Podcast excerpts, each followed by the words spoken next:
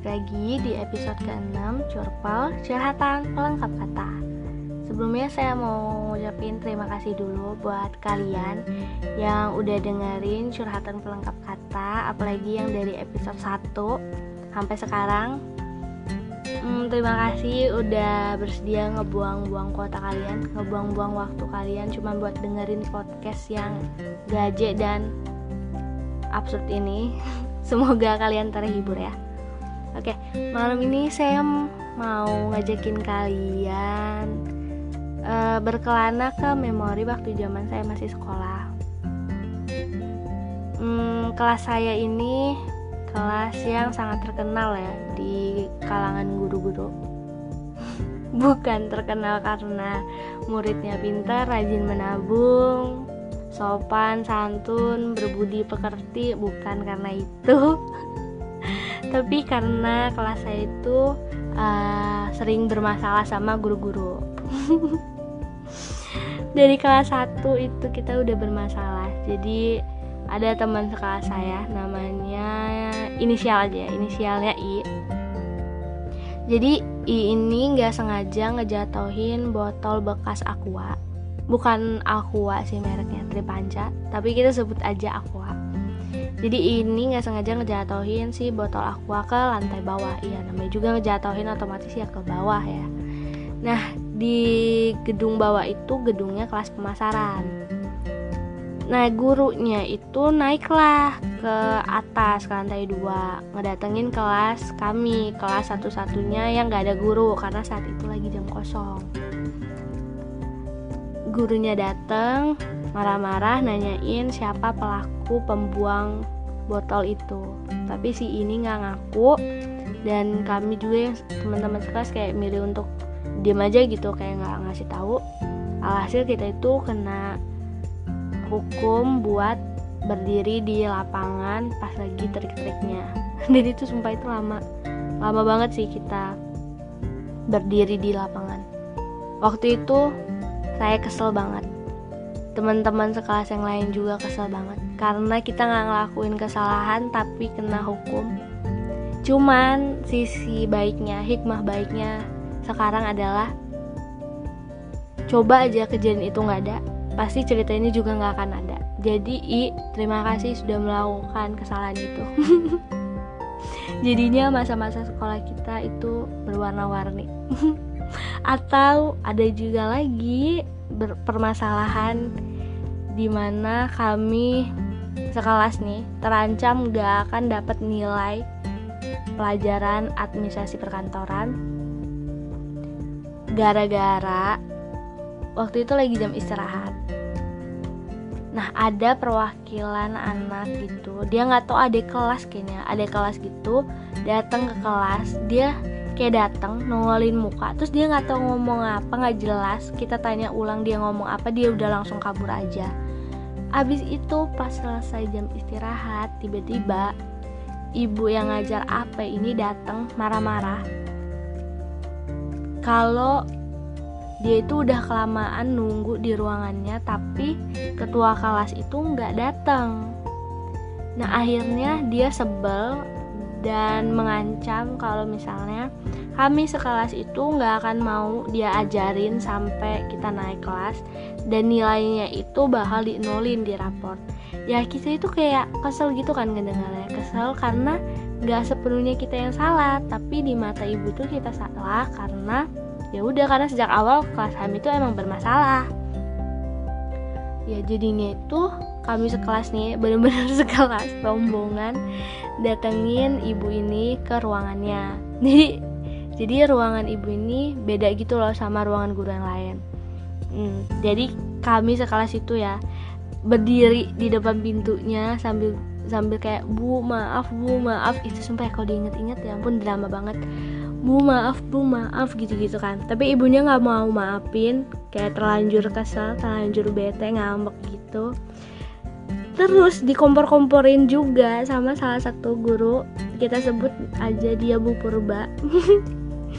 Si ibu purba ini ngompor-ngomporin si ibu Ape dengan bilang iya bu biarin aja. Biarin aja mereka nggak ada nilai. Emang bermasalah anak-anak kelas ini. Bayangin emang si ibu apa ini udah udah panas gitu ya. Makin dipanas-panasin ya meledak dong jadinya. ya jadi alhasil ya ibu tuh makin marah gitu makin makin ngambek dan gak mau ngedengerin kami yang udah mohon-mohon minta maaf itu. Nah akhirnya itu uh, kami sekelas itu kayak berdiskusi kayak nyari solusi. Karena nggak mungkin dong kalau misalnya nilai kami bakal nol di raport ya kan? Terus itu hmm, singkat cerita ada beberapa perwakilan dari kelas kami yang ngedatengin ibu itu. Saya nggak tahu mereka negosiasi apa. Tapi tahu-tahu ibu itu hmm, maafin tapi buku saku kami itu ditarik ditarik buat dikasih poin. Jadi seperti pada umumnya sekolah-sekolahan lain itu pasti punya buku saku. Buku saku yang isinya itu tentang tata tertib sekolah terus pelanggaran-pelanggaran yang yang terjadi gitu beserta poin-poinnya dan di paling belakang itu catatan poin punya kita sendiri. Nah pas ibu itu minta buku saku habis itu dia balikin lagi tapi dalam keadaan berbeda di mana di lembar belakang itu udah tertulis poin antara 50 atau 25 gitu. Kita dapat poin segitu karena melawan guru. Inget banget sumpah itu keterangannya dapat poin segitu karena melawan guru. Jujur ya jujur nggak terima. Karena nggak ngerasa bersalah. Karena yang salah itu adalah si kayak adik kelas yang datang ini kayak kesalahpahaman antara kelas saya dan ibu Ape itu terjadi karena dia. Kalau diinget-inget lagi ya kayaknya saya nggak tahu sih siapa anaknya. Ya karena kalau tahu pasti udah saya datangin. Karena karena kamu ya karena kamu. Kami dapat nilai segini eh dapat nilai dapat poin segini. Sumpah sih itu ngeselin parah. Tapi ya nggak apa-apa sih jadi lucu aja kalau diingat. Soalnya drama belum lagi nih ada lagi yang saya sebutin tadi Bu Purba. Jadi Bu Purba ini ngajar kelas saya. Ngajar kelas saya berturut-turut dari kelas 1 sampai kelas 3 ngajar pelajaran sejarah. Waktu itu e, ibu ini udah dateng nih. Kelihatan gitu kan dari dari jendela. Terus teman saya si D teman cowok saya si D ini usil. Dia nahan pintu supaya si ibu purba itu nggak bisa masuk. Dan kami yang di dalam kelas itu sumpah ya mati-matian nahan ketawa supaya gak ketahuan sama Bu Purba gitu. Jadi bener deh Bu Purba itu berusaha banget ngebuka pintu dan si D itu berusaha banget buat nahan pintu. Jadi ini tuh ibunya nggak bisa masuk-masuk nah terus itu karena udah makin gak bisa nahan ketawa akhirnya dibuka kan dibuka terus yang si D nya itu pura-pura nggak tahu lah. Nah Bu Purbanya ngajar nah ngajar dan Bu Purba ini unik banget sumpah. Dia benar-benar guru sejarah yang harus kita museumkan. Karena apa? Karena sistem ngajarnya unik parah. Selama diajar ibu itu dari kelas 1 sampai kelas 3 saya nggak saya pribadi ya nggak pernah punya catatan apa pun. Jadi itu buku buku tulis dari kelas 1 sampai kelas 3 saya selalu pakai buku itu terus. Saking bersihnya saking nggak tahu mau nyatet apa. Kenapa bisa kejadian gitu? Itu karena uh, ibu itu ngajarnya itu pakai komputer lagi pakai laptop. Pakai laptop abis itu di ditampilin pakai proyektor. Nah itu harusnya itu biasa aja dong. Harusnya bisa kita pelajari bisa kita catat. Cuman ibu ini cepet banget ngejelasinnya itu cepet banget. Abis itu kita belum selesai sama dia itu udah diganti slide-nya. Jadi gitu aja terus dari kelas 1 sampai kelas 3 makanya kami tuh nggak punya catatan atau lebih tepatnya saya pribadi nggak punya catatan karena nggak tahu mau nyatet apa. Segitunya loh. Abis itu dari kelas 1 sampai kelas 3 itu pelajarannya Konstantinopel Konstantinopel lagi. Nah udah pelajarannya itu itu lagi bodohnya adalah saya nggak ngerti-ngerti. Ya Allah pelajaran sejarah nggak ngerti-ngerti. Jadi nih ibu itu kan uh, ngajarnya unik selain ngajar dia juga kalau ngasih ulangan itu unik juga di mana dia ngasih soal 50 dan esai. Kalau udah ulangan ibu purba itu pasti nih kelas kami itu akan diadakan yang namanya nyontek berjamaah. Jadi kan kalau ulangan semester atau ulangan mid semester itu pasti kelas kami dibagi dua karena duduk sama kakak kelas Nah, masing-masing kelas itu pasti ada perwakilan yang buat nyariin jawabannya di Google. nanti kalau dia udah dapet jawabannya, nanti disebar ke anak-anak yang lain. Nah, karena disebar dari satu ke satu ke satu ke satu ke satu, jadi itu tulisannya itu ejaan hurufnya itu udah mulai salah. Misalnya tadinya Soekarno jadi Soekarno, jadi Soekarno, pokoknya jadi beda-beda gitulah ya. Jadinya pas selesai selesai ulangan ya. Uh, ibu itu ngumumin nilai di kelas. Deg-degan dong. Ini singkat cerita teman saya yang nama huruf depannya A. Kan dia A ya jadi dia duluan yang disebut. Jadi pas disebut A gitu sama si Bu Purba ini nilainya adalah 0, sumpah itu langsung gemeter dong. Hah A 0, gitu. Terus kita dapat nilai berapa? Ternyata kami sekelas. Aduh ini malu ini aib banget sih.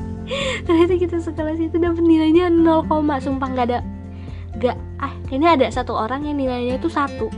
Bener-bener sumpah nggak nyampe. Dua aja nggak dapet dong nilai. Itu itu karena menurut ibu itu kenapa kita salah semua? Itu karena ejaannya nggak bener. Ya em ya benar sih masuk akal alasannya. Karena kan kalau nama ejaan nama orang itu kan harus benar ya. Kalau nggak benar dianggap salah. Nah ibu itu memakai prinsip seperti itu. Alasan ya gitu nilainya nol terus. Nol koma. Atau coba aja ibu itu berbaik hati gitu ya. Dihitung per ini kayak per abjad gitu. Jadi nilai itu nggak nol gitu. Sumpah ya itu pertama kalinya dapat nilai segitu nol. Tapi untungnya sekelas jadi nggak malu-maluin amat. Uh, terus itu ya saya punya guru lagi dia tuh ngajar bahasa Indonesia. Kita sebut aja bunda. Emang emang dia di kelas disebutnya bunda. Jadi ya bunda ini nggak kalah unik dari dari Bu Purba. Jadi bunda ini ngajarnya itu lemah lembut banget dan ada sistem plus minus gitu kalau misalnya kita ngelakuin kebaikan itu nilainya dapat plus. Kalau ngelakuin kejahat nggak kejahatan keburukan gitu dapat nilai minus. Dan itu yang nyatet teman sekelas saya perempuan si A inisialnya A. Nah terus setiap pelajaran bunda itu saya selalu menjadi orang lain gitu bukan menjadi diri saya sendiri karena saat di kelas bunda itu saya berusaha untuk pencitraan gitu loh. Karena takut takut salah ngomong gitu takut salah ngomong. Salah ngomong dikit di diminusin gitu nilainya. Kayak contoh aja temen saya si laki-laki. Temen kakak saya yang laki namanya D kalau kalian ingat saya pernah nyebutin dia pernah nyeritain dia di podcast episode curpel yang pertama. Jadi si si C juga sama si C. Saya juga pernah nyeritain. Jadi si D sama si C ini mereka berdua itu adalah langganan murid yang mendapatkan nilai minus. Di di pelajaran bunda di orang berdua itu sumpah selalu nyari gara-gara selalu tiba-tiba adu mulut adu argumen gitulah adu argumen. Tiba-tiba sepukul-pukulan. Pokoknya ada-ada aja yang bikin mereka dapat nilai minus sampai bunda itu ngasih julukan ke mereka berdua itu kakek nenek. Saking apa ya saking mereka berdua itu segitunya gitu. Bar barbar barbar gimana gitu.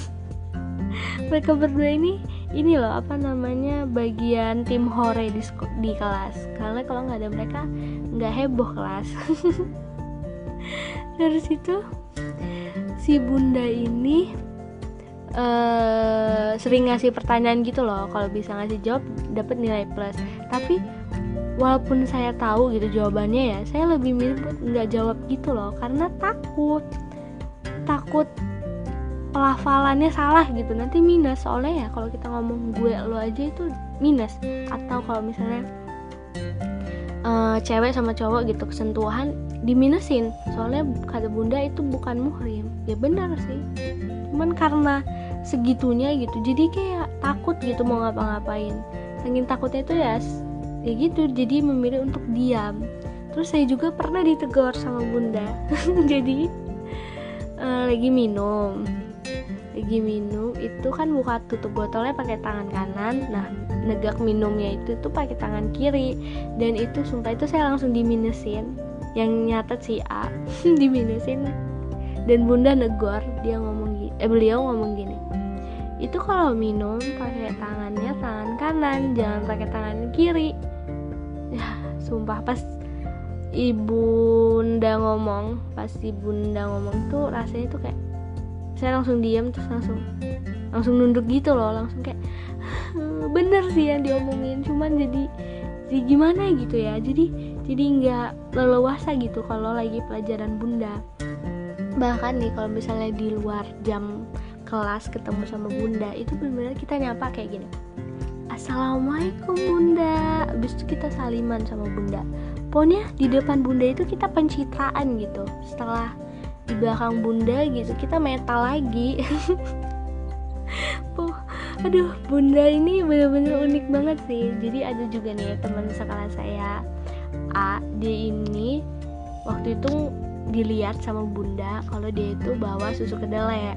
Nah bunda minta susu kedelainya. Nah setelah setelah hari itu bunda jadi selalu nitip gitu loh nitip sule sama si A ini. Jadi si A ini jatuhnya jadi kurir penyedia susu kedelai buat bunda. Nah bunda kan ngajarin itu setiap setiap hari Jumat ya. Jadi dia tuh beliau tuh bakal masuk dengan ceria sambil ngomong assalamualaikum anak-anak gitu kan. Alhamdulillah kita ketemu lagi di Jumat berkah gitu. Bunda itu kayak gitu kayak kita kita itu kayak dia kayak kita itu dianggap sama bunda itu kayak anak TK gitu kali ya. Tapi seru sih bundanya baik sih baik bunda baik. Cuman kalau pelajaran bunda saya merasa bukan diri saya. Terus biasanya abis nyapa gitu ntar bunda datengin si A nanya gimana A susu kedelai bunda ada nggak nanti bundanya ngambil susu kedelainya habis itu bayar. Aduh agaknya nih ya. Bukan cuman anak-anak di kelas saya doang yang unik tapi guru-guru yang ngajar di kelas saya juga unik. Jadi jadi lucu gitu. Aduh punya guru yang beraneka ragam. Atau ada lagi guru pelajar guru akuntansi pak kita sebutnya apa ya? Kita sebutnya apa aja ya? Saya saya nggak punya nama panggilan khusus buat bapak ini.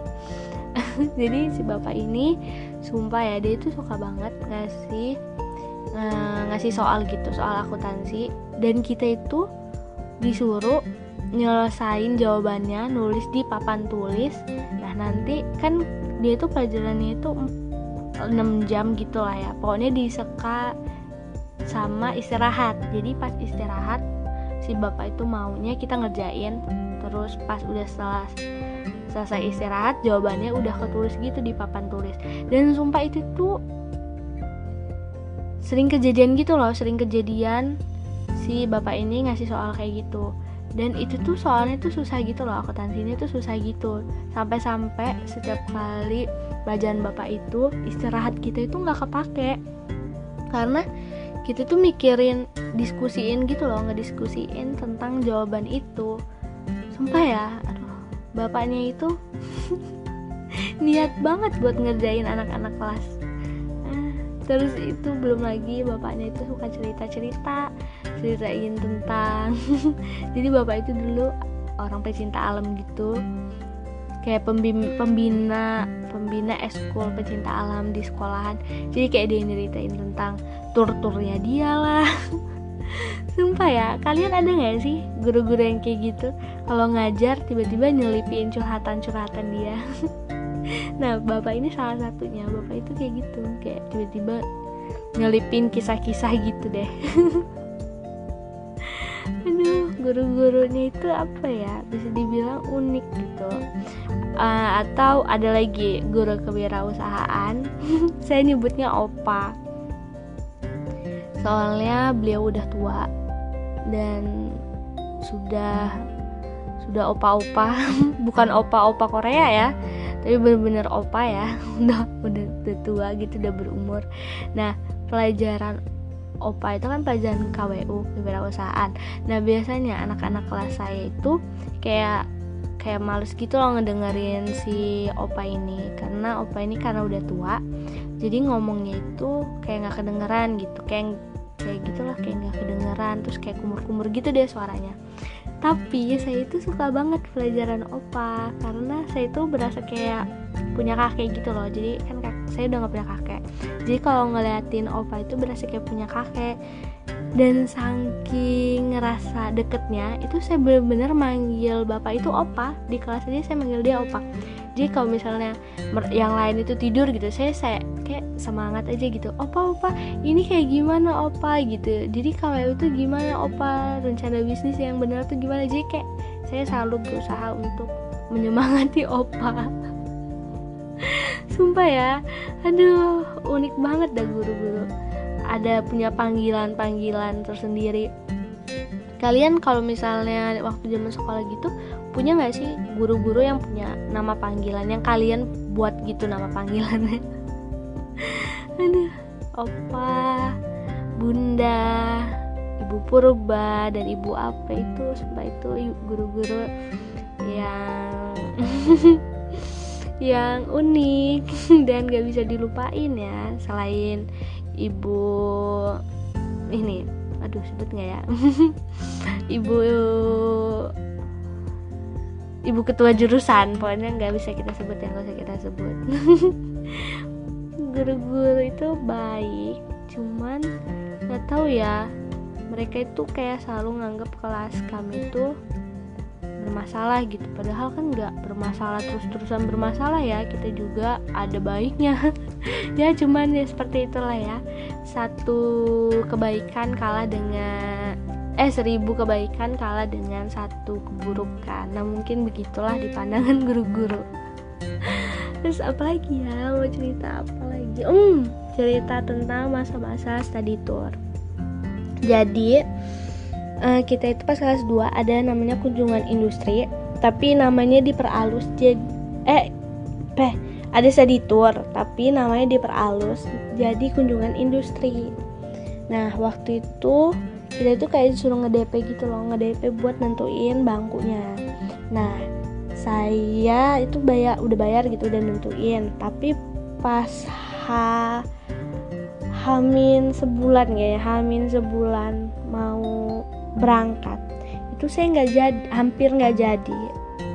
Karena ibu saya sakit jadi uangnya itu kepake gitu. Nah nggak punya uangnya gitu kan buat ngelunasin biaya kunjungan industri ini. Nah waktu itu PPC sedih tuh ya. Terus sumpah ya ini kalau misalnya teman saya si Y R sama A kalau ngedengar ini kalian makasih banget ya. Sumpah mereka perhatian banget. Mereka tuh sampai pengen ngejengukin ibu saya. Waktu itu saya bilang ibu saya udah di rumah. Mereka sangka masih mereka sangka di rumah sakit. Sumpah mereka baik banget perhatian banget mau ngejengukin. Makasih ya kawan. Terus itu hampir gitu hampir nggak nggak nggak nggak ikutan kunjungan industri. Tapi hmm, Hamin tujuh acara itu alhamdulillah ada rezeki jadinya itu akhirnya bisa ikut nah pas masa-masa pas masa-masa pas masa-masa study tour ini kita itu ada di bus nomor 2 bus 2 bus nomor 2 nah kan satu bus itu isinya 50 anak udah termasuk guru pembimbing dan tour guide-nya. Tapi karena waktu itu nggak semua satu kelas ikut alhasil bus nomor 2 bus kami itu digabung sama anak pemasaran saya banget uh, pas pertama kali kunjungan industri itu kan dibagi per jurusan Wah, jurusan saya kan jurusan akuntansi, jadi kunjungan industrinya itu ke Bursa Efek Indonesia. Sumpah, di Bursa Efek Indonesia itu ada bapak-bapak yang bapak-bapak yang kayak semacam tour guide gitu yang dia emang kerja juga di situ di kerja di bursa efek. Nah bapak ini sumpah dia itu menjadi bahan utama topik pembicaraan di kelas saya gitu khususnya buat yang cewek-cewek. Karena bapaknya itu ganteng bang. Nggak ganteng bukan ganteng sih manis ya? Manis pokoknya kayak punya karisma gitu dia mirip banget sama Afgan penyanyi ya. Cuman bedanya dia nggak ada langsung pipi. Bener-bener sama sama kacamata gitu. Pokoknya bener-bener sama gitulah. 11-12 gitulah sama Afgan. Bedanya yaitu tadi nggak ada langsung pipi. Itu inget banget. Itu kita rebutan loh minta foto sama si bapak itu. Aduh fotonya masih ada bapak itu bener-bener jadi bahan perbincangan bahkan setelah study tour selesai itu bapak tetap jadi bahan perbincangan. Dia manis banget. Manis aduh ya Allah. Terus itu udah selesai acara kunjungan industri di Bursa Efek itu tuh kita mampir ke kota tua kayak nungguin jurusan-jurusan lain selesai kunjungan industri. Nah di kota tua itu kayak jam istirahat kayak jam bebasnya di mana kita mak boleh makan boleh kun apa gitu ngelakuin apa gitu pokoknya di kota tua. Nah eh, dapat nasi kotak kan buat makan siang. Nah nasi kotaknya itu kayaknya sih udah kelamaan di bagasi bus jadinya itu kering nasinya kering terus tuh keras nah saya inget inget banget sumpah. Lagi-lagi terjadi lagi eh, kejadian di mana saya nggak mau makan. Karena nasinya itu udah kering banget. Habis itu keras jadinya itu cuman makan lauknya doang. Belum lagi kenyataan kalau ternyata kami itu makannya di samping tong sampah kami tuh nggak sadar loh kalau di samping kami itu tong sampah sadar-sadar itu setelah pas mau ngebuang kotaknya. Eh tahu-tahu di samping kami pas kotak sampahnya. Ya Allah. Supaya itu ada untuk untuk kedua kalinya saya nggak mau makan setelah kejadian hiking dan study terulang lagi. Saya nggak makan. Aduh terus itu uh, ada teman saya lagi nih pas di kota tua si D. D yang saya ceritain tadi. Yang di episode 1 juga saya sempat ceritain. Jadi dia masuklah ke cafe Batavia. Dia sama beberapa teman sama A sama R. Pokoknya sama teman-teman sekelas cowok yang lainnya dia itu udah masuklah ke cafe itu. Nah mereka itu mesen minuman. Kayaknya sih ya mereka itu nggak ngelihat nggak ngelihat menu harganya gitu. Tahu-tahu pesen aja gitu. Pas pesan habis itu pas mau bayar ternyata harganya mahal dan mereka nyesel banget. Apalagi ada salah satu teman saya. Dia tuh pesan kopi. Dia nggak tahu kalau kopinya ternyata itu pahit karena itu ternyata kopi bener-bener kopi asli yang nggak pakai gula gitu. Jadi udah mahal habis itu nggak diminum. Dan lebih apa sih lagi teman saya yang D ini kan waktu itu udah buru-buru tuh udah buru-buru mau pergi lagi. Nah karena saking buru-burunya lari-lari gitu dia ke bus dia tuh ketinggalan kacamatanya. Jadi ibaratnya dia tuh udah terjatuh ketimpa tangga. Udah bayar mahal minuman abis itu kehilangan kacamata karena ketinggalan di situ. Ah aduh terus itu ah ya uh, kan kita itu berada di bus nomor 2 jadi bus nomor 2 itu punya biduan. Temen saya perempuan si D dia yang penyanyinya. Dia biduannya dia yang membuat suasana bus kami itu seru. Dia yang membuat kami bergoyang gitu berdendang. Dia ininya apa namanya biduannya. Dan sumpah ya kami juga itu kan waktu itu dibilangin kalau misalnya bakal ada perlomba pas sampai Bali bakal ada perlombaan uh, ial-ial antar bus. Jadi kita itu bikinlah apa namanya ial-ial gitu. Nah udah bi udah bikin gitu kan. Habis itu pas sampai Bali itu tuh ada tour guide lagi tour guide namanya tuh Pak Gede kalau nggak salah. Nah Pak Gede itu kayak ngasih ngasih ide buat nambahin di apa ya awalan sebelum ial-ial itu tambahin yale yale yale. Pokoknya kayak gitu-gitu lah ya kayak ala-ala balik gitu. Dan kita itu sumpah ya udah belajar udah kayak udah mempersiapkan. Eh tahu taunya nggak ada dong acara perlombaan yal-yalnya tapi ya nggak apa-apa sih. Soalnya seru juga pas acara-acara persiapannya belum lagi uh, sumpah ya kalau menurut saya sih paling seru pas acara study tour itu adalah uh, saat-saat kita itu di bus. Kalau pas di hotel itu kan dipencar pencar-pencar gitu. Jadi kayak udah nggak nggak sekelas gitu kan. Kayak quality time itu nggak sekelas. Jadinya itu serunya ya sama orang-orang itu aja gitu. Maksudnya kayak sama lingkaran pertemanan itu aja nggak benar-benar sama sekelas jadi menurut saya paling paling berbak paling-paling mengesankan itu adalah saat-saat di bus. kalau saat di kalau saat-saat di hotel itu sumpah ya, pas di Jakarta itu bukan hotel sih kayaknya wisma gitu. Sial banget wismanya. Ini ngacak ya. Jadi uh, apa namanya? Saya dan PPC itu dapetin kamar di mana kamarnya itu kasurnya itu yang kasur atasnya itu nggak bisa ditidurin karena ngeper gitu loh. Sakit kalau mau ditidur ngeper ngeper gitu. Abis itu AC-nya nggak hidup TV nggak nyala air nggak nyala. Pokoknya kayak, kayak lengkap banget deh penderitaan penderitaan kita itu. Sedangkan di kamar sebelah itu enak AC-nya nyala airnya nyala TV-nya nyala. Pokoknya ini itu kayak kita itu apes gitu di hotel. Tapi pas di Jakarta alhamdulillah hotelnya enak gitu kan. Cuman ada kejadian sumpah ya kita itu norak-norak anaknya. Maklum ya Nabi juga masih anak sekolah norak. Jadi nggak tahu ya antara anak kelas saya apa anak kelas yang lain. Jadi mereka tuh main mainin bel gitu mencet-mencetin bel. Nah eh, tamu di kamar lain itu ngerasa terganggu. Jadi kayak ngelaporin gitu ke bagian office hotel gitu ya. Ke bagian office hotel. Saya nggak tahu namanya apa.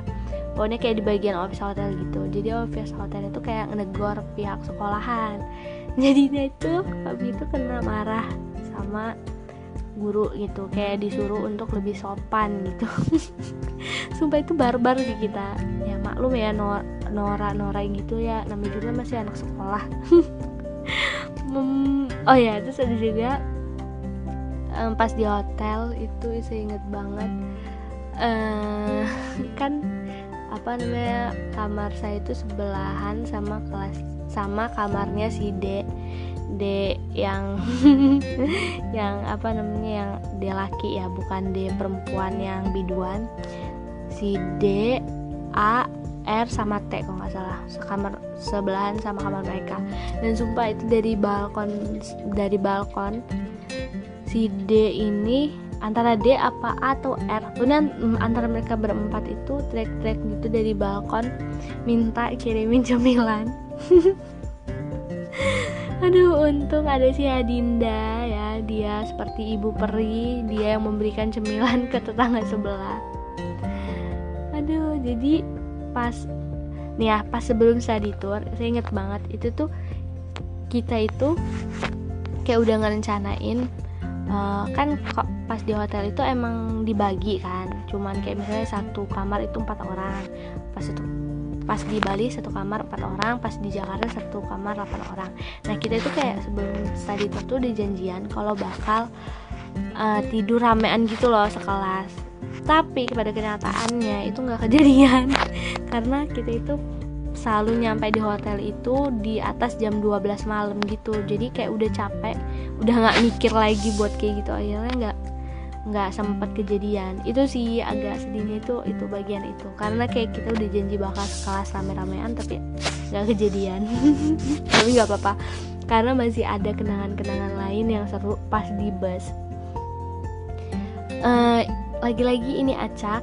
Jadi waktu pas di Jogja itu si D yang laki D laki ini sumpah ya dia ini absurd banget.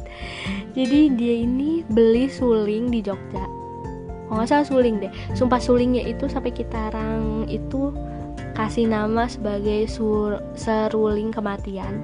Karena kalau si D itu udah mulai nyupin mainin serulingnya itu kami tuh aduh sumpah gendang telinga kami itu sakit sampai hampir sampai sampai kayak pengen berdarah. Karena bukannya menghasilkan nada-nada yang indah tapi nada-nada yang berantakan dan ancur parah. Dan dia itu suka banget mamerin itu seruling. Setiap saat ya ampun bisa bayangin gak sih? Kita harus ngedengerin permainan suling dia permainan suling mematikan itu. Dan ampun itu kami satu satu bus itu rasanya yang awalnya itu ketawa sampai akhirnya itu kayak pengen nangis ngedengerin ngedengerin serulingnya si D. Aduh ya ampun si D ini kalau main seruling serulingnya itu bener-bener dimainin gitu loh. Jadi setiap kali dia mau main suling gitu pasti eh gue main suling ya itu pasti kita langsung teriak jangan jangan jangan jangan main seruling. Bener-bener setakut itu kalau dia main seruling. Dan oh ya dek kalau misalnya lo denger gue mau nanya deh. Itu seruling masih ada nggak di rumah lo? Apa udah nggak ada? Aduh serulingnya sumpah itu membawa kematian gitu. Karena gendang telinga kami sakit ngedengarnya ya Allah. Oh ya pas acara tour ini ada lagi teman saya namanya D aduh yang namanya D ini banyak ya di kelas saya. D cewek tapi bukan yang biduan jadi dia ngalamin satu hal yang buruk. Kalau misalnya kamu dengar ini D kalau dengar ini D jangan diingat bagian buruknya tapi lo inget bagian senang-senangnya aja. Karena kan setelah kejadian buruk itu lo mendapatkan uh, hal yang baik kan setelah itu. Jadi jangan sedih ya kalau misalnya pas gue nyeritain di tour ini terus tiba-tiba lo flashback ke bagian sedih itu jangan diingat ketawain aja. Terus apalagi ya kejadian di sekolahan itu? Uh, oh ya pas di Bali lagi-lagi pas di Bali itu kan kita nggak kita ke pantai tapi nggak ke pantai Kuta. Kita ke pantainya itu ke ke pantai Dewata Dewata Dewata ya? Pokoknya bukan di bukan ke pantai Kuta gitu. Kalau nggak salah kalau nggak salah ya kalau nggak salah ya. Mohon maaf ini kalau salah. Pantai Dewata kalau nggak salah. Nah pas di pantai itu sumpah ya ada kejadian. Kan saya pakai flat shoes flat shoes flat shoes gitu. Nah flat shoesnya itu uh, kena cipratan air laut gitu kan. Abis itu pas lagi foto-foto kasihkan foto-foto itu shoesnya itu kena kena ini kan karena basah. Jadi kena pasir. Nah pas kena pasir pas dia ngering itu kayak kayak apa ya? Kan flatsusnya itu flatsus polos warna coklat. Jadi pas dia kena basah kena pasir abis itu kayak kelihatannya itu kayak hancur gitu loh sepatunya. Dan karena karena saya kesel ya karena kesel ngeliat itu akhirnya sama saya saya jeburin aja semuanya sepatunya ke dalam laut. Biar sekalian aja basah. Abis itu saya baru deh saya pakai lagi. Sumpah ya itu kalau diinget-inget ya. Buat apa sih saya ngelakuin itu gitu? Lagian ngapain juga ke pantai pakai sepatu? Kenapa nggak pakai sendal gitu aduh ada-ada aja. Nggak tahu lagi mau cerita apa. Di 39 menit. Cerita apa lagi ya? Pasin sampai 50 ya. Berarti saya tambah durasinya. 20 menit lagi bahas apa? Bingung. Sebenarnya banyak cerita. Banyak ceritanya banyak yang pengen saya ceritain. Tapi saya tuh takut kalau misalnya pas saya ceritain ini orang yang diceritain ya walaupun saya nggak sebutin nama tapi inisial doang gitu. Cuman takutnya itu cerita yang mereka mereka nggak mau ada orang lain tahu gitu. Jadi bingung mau saya ceritain apa enggak gitu. Oh ceritain ini aja deh. Jadi jam-jam seperti umumnya jam kosong jam kosong itu kan pasti kesukaan banget ya kesukaannya kita kita murid ya. Karena saat jam kosong itu kita bisa ngelakuin hal-hal bebas gitu ya. Nah biasanya itu pasti selalu dilakukan pasti nih kelas saya itu selalu tiba-tiba jadi bioskop dadakan atau enggak jadi karaoke dadakan jadi tempat karaoke dadakan. Dan sumpah ya hal-hal yang saya kangenin setelah lulus sekolah adalah itu sih. Jam kosong itu. Karena setiap jam kosong kan tiba-tiba kelas berubah jadi bioskop dadakan. Nah biasa itu kita tuh nobar. Nobar gitu nobar dari film horor. Habis itu sampai film uh, film-film oh sampai drama Korea. Pokoknya bener-bener nobar. Saya ingat banget. Jadi pernah ada jam kosong pelajaran akuntansi. Nah akuntansi itu pelajarannya itu 8 jam dan 8 jam itu benar-benar kosong. Tapi kita tuh dapat tugas gitu. Nah tugasnya itu udah selesai. Jadi masih nyisa sekitar 6 jam 6 jaman gitu dan itu 6 jam bener-bener kita habisin buat nonton drama Korea Master Sun sumpah dari episode 1 sampai hampir tamat dong kita selesai nonton itu. Dan sumpah itu seru seru banget nontonnya itu rame-ramean dan saat-saat yang kayak gitu sih yang dikangenin kayak bisa nonton bareng. Abis itu nonton oh ada juga saya aduh saya lupa deh judul filmnya apa. Film horor yang takdir gitu deh pokoknya serem deh. Nonton film itu itu juga seru banget. Kayak bener-bener sekali gitu loh nontonnya ya ampun seru banget kangen banget. Atau enggak saat-saat pas ini pas nyanyi sumpah jadi ada lagi teman saya namanya D. Duh yang D ini banyak banget. Jadi teman saya yang D ini ada ada lima kayaknya. D yang laki aja ada dua D yang perempuan ada tiga. Nah ada lagi D kita sebut aja mami ya mami D. Jadi si mami D ini nih dia itu biduan kedua selain si D. Jadi mami aja kita panggil mami jadi kalau jam kosong biasanya mami itu bagian bagian yang nyanyi nyanyi jadi sumpah ya jadi ada teman saya namanya R. Kayaknya sih R sih. Kayaknya dia yang bawa. Dia tuh suka bawa uh, apa tuh namanya speaker. Nah jadi kalau misalnya jam kosong itu biasanya speakernya dihidupin habis itu kita nyanyi nyanyi dan itu nyanyinya itu mulai dari lagu galau sampai lagu ceria. Itu sumpah itu jadi berasa konser dadakan gitu deh kita. Nah biasanya mami itu akan teriak teriak sambil ngomong ah ayo everybody sing gitu. Jadi kalau dia udah ngomong gitu nanti kompak. Kita semua itu langsung kayak nyanyi gitu. Misalnya waktu itu lagi zamannya lagu apa ya? Pokoknya lagu lagunya lagunya pokoknya lagu-lagu yang galau gitu deh pokoknya. Kalau kalau misalnya lagu galau itu kompak kita naikin tangan ngelambain tangan yang ke kanan ke kiri gitu-gitu. Pokoknya seru tahu kayak gimana ya yang namanya jam istirahat itu eh jam istirahat jam kosong itu pasti jadi hal seru sumpah. Kalau dipilih lebih milih jam kosong atau libur pastinya milih jam kosong. Kayak sekolah itu seru ya kayak nggak ada kayak nggak ada bosen-bosennya gitu sekolahan. Bahkan saking gak ada bosan-bosannya bahkan sampai jam pulang pun kadang kita nggak langsung pulang. Kayak lebih milih untuk nongkrong aja lagi ngobrol-ngobrol. Padahal sebenarnya kalau diinget-inget nggak tahu ya ngobrolin apa. Dan nggak maksud obrolannya. Kayak obrolan ngolor ngindul aja gitu. Cuman kayak seru gitu. Itu menjadi hal-hal yang jujur itu dikangenin sih. Ini saya cerita sambil saya kangen. Kangen. Kangen sama mereka semua. Kangen sama kebobrokan mereka kangen sama tingkah-tingkah mereka deh. Terus saya juga kangen sih sama si C. Jadi ya saya pernah pernah pernah pernah berantem. Nggak bukan berantem sih adu mulut. Jadi saya itu tipikal orang yang kalau misalnya ada orang ngeselin gitu sama saya tuh saya tahan gitu loh. Kalau misalnya dia ngeselin pertama saya tahan ngeselin kedua tahan. Tapi kalau udah ketiga tuh biasanya saya langsung marah banget gitu.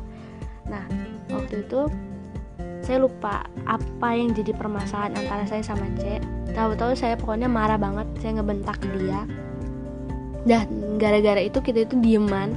Tapi kan karena sekelas jadi kayak aneh kan diem-dieman jadi kita tuh suka seliat-liatan saya sama si C ini suka seliat-liatan nanti pas seliat-liatan si si C ini bakal teriak apa lo liat-liat? gitu. Tapi dia sambil nahan ketawa gitu kan. Nah jadi tiba-tiba nanti kita seliat-liatan lagi abis itu ketawa bareng-bareng. Pokoknya seabsurd gitu loh. Apa ya? Kita nggak pernah ada omong-omongan misalnya eh maafin gue ya kita temenan lagi. Nggak ada kayak gitu. Pokoknya kalau saya marahan gitu sama si C pasti kayak gitu pasti cuman tinggal seliat-lihatan habis itu nggak tahu apa yang lucu tiba-tiba kita berdua ketawa aja. Kalau diinget-inget lagi tuh hampir semua teman-teman sekelas itu punya andil sih dalam hal meramaikan suasana.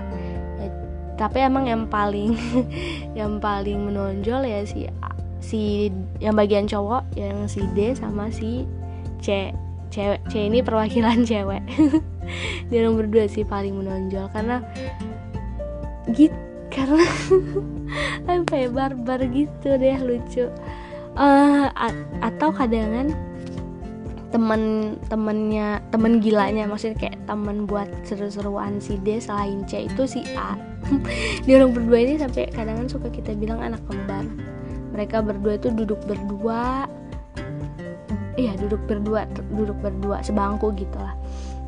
Dari kelas 1 kalau nggak salah sebangku dari kelas 1 jadi sebenarnya awalnya tadinya pas kelas 1 saya itu duduk bareng sama si D cuman karena ada kesalahpahaman kesalahpahaman dalam hal komunikasi jadinya itu saya nggak nggak nggak nggak duduk sama dia lagi.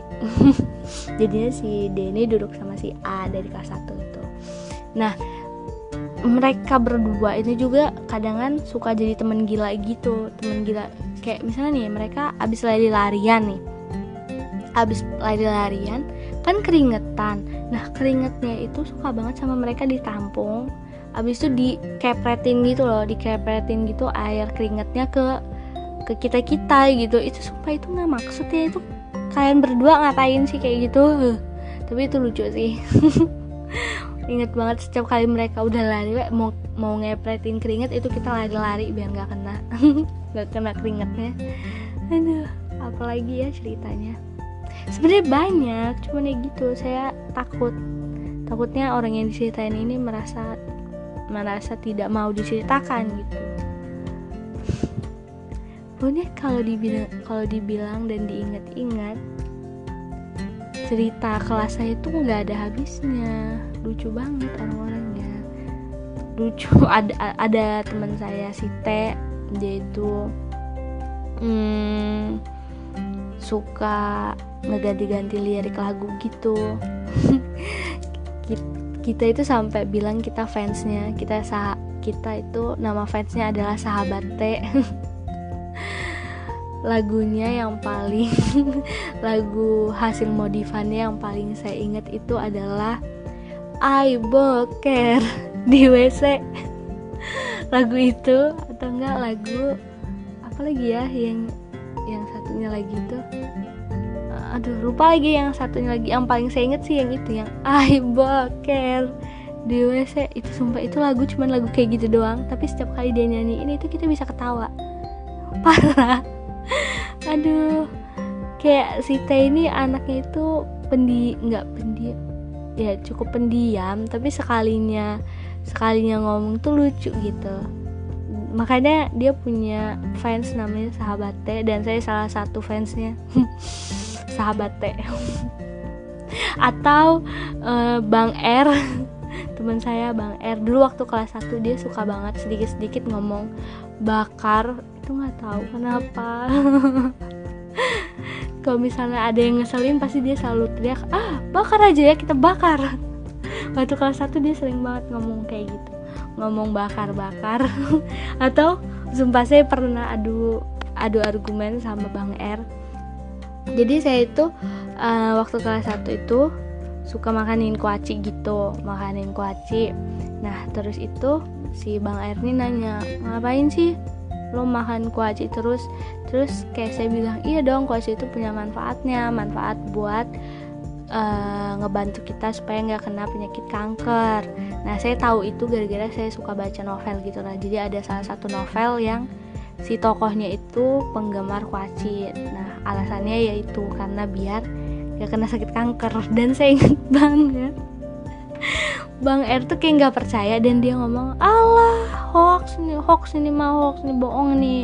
Terus sengotot itu dan saya juga nggak mau kalah dengan dengan cara sampai nyari gitu di internet sampai nyari di Google buat nyari manfaat kuaci dan ngasih tahu ke Bang R sumpah. Seabsurd itu pertemanan kami. Cuman adu argumen masalah kuaci manfaat kuaci aduh banyak sih hal-hal yang oh ini nggak apa-apa sih ini karena ada sayanya. Atau waktu itu kelas 1 saya nggak ngerti.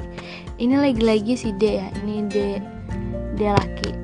Sumpah ya lo kalau dengerin ini ya sumpah gue pengen nanya deh motivasi lo apa sih nanya kayak gitu? Jadi waktu itu si D ini kan nggak ikut mos jadi itu nggak nggak nggak deket gitu kan. Kan namanya kelas 1 itu kan masih baru gitu masih masa-masa kita perkenalan Nah si D ini sebelumnya tuh nggak pernah ngobrol gitu sama saya, nggak pernah bersinggungan. Tapi tahu-tahu dia itu ngedatengin saya cuma mau bilang sesuatu. Bilangnya itu nanti saya ceritain dia bilang apa. Jadi informasi dulu.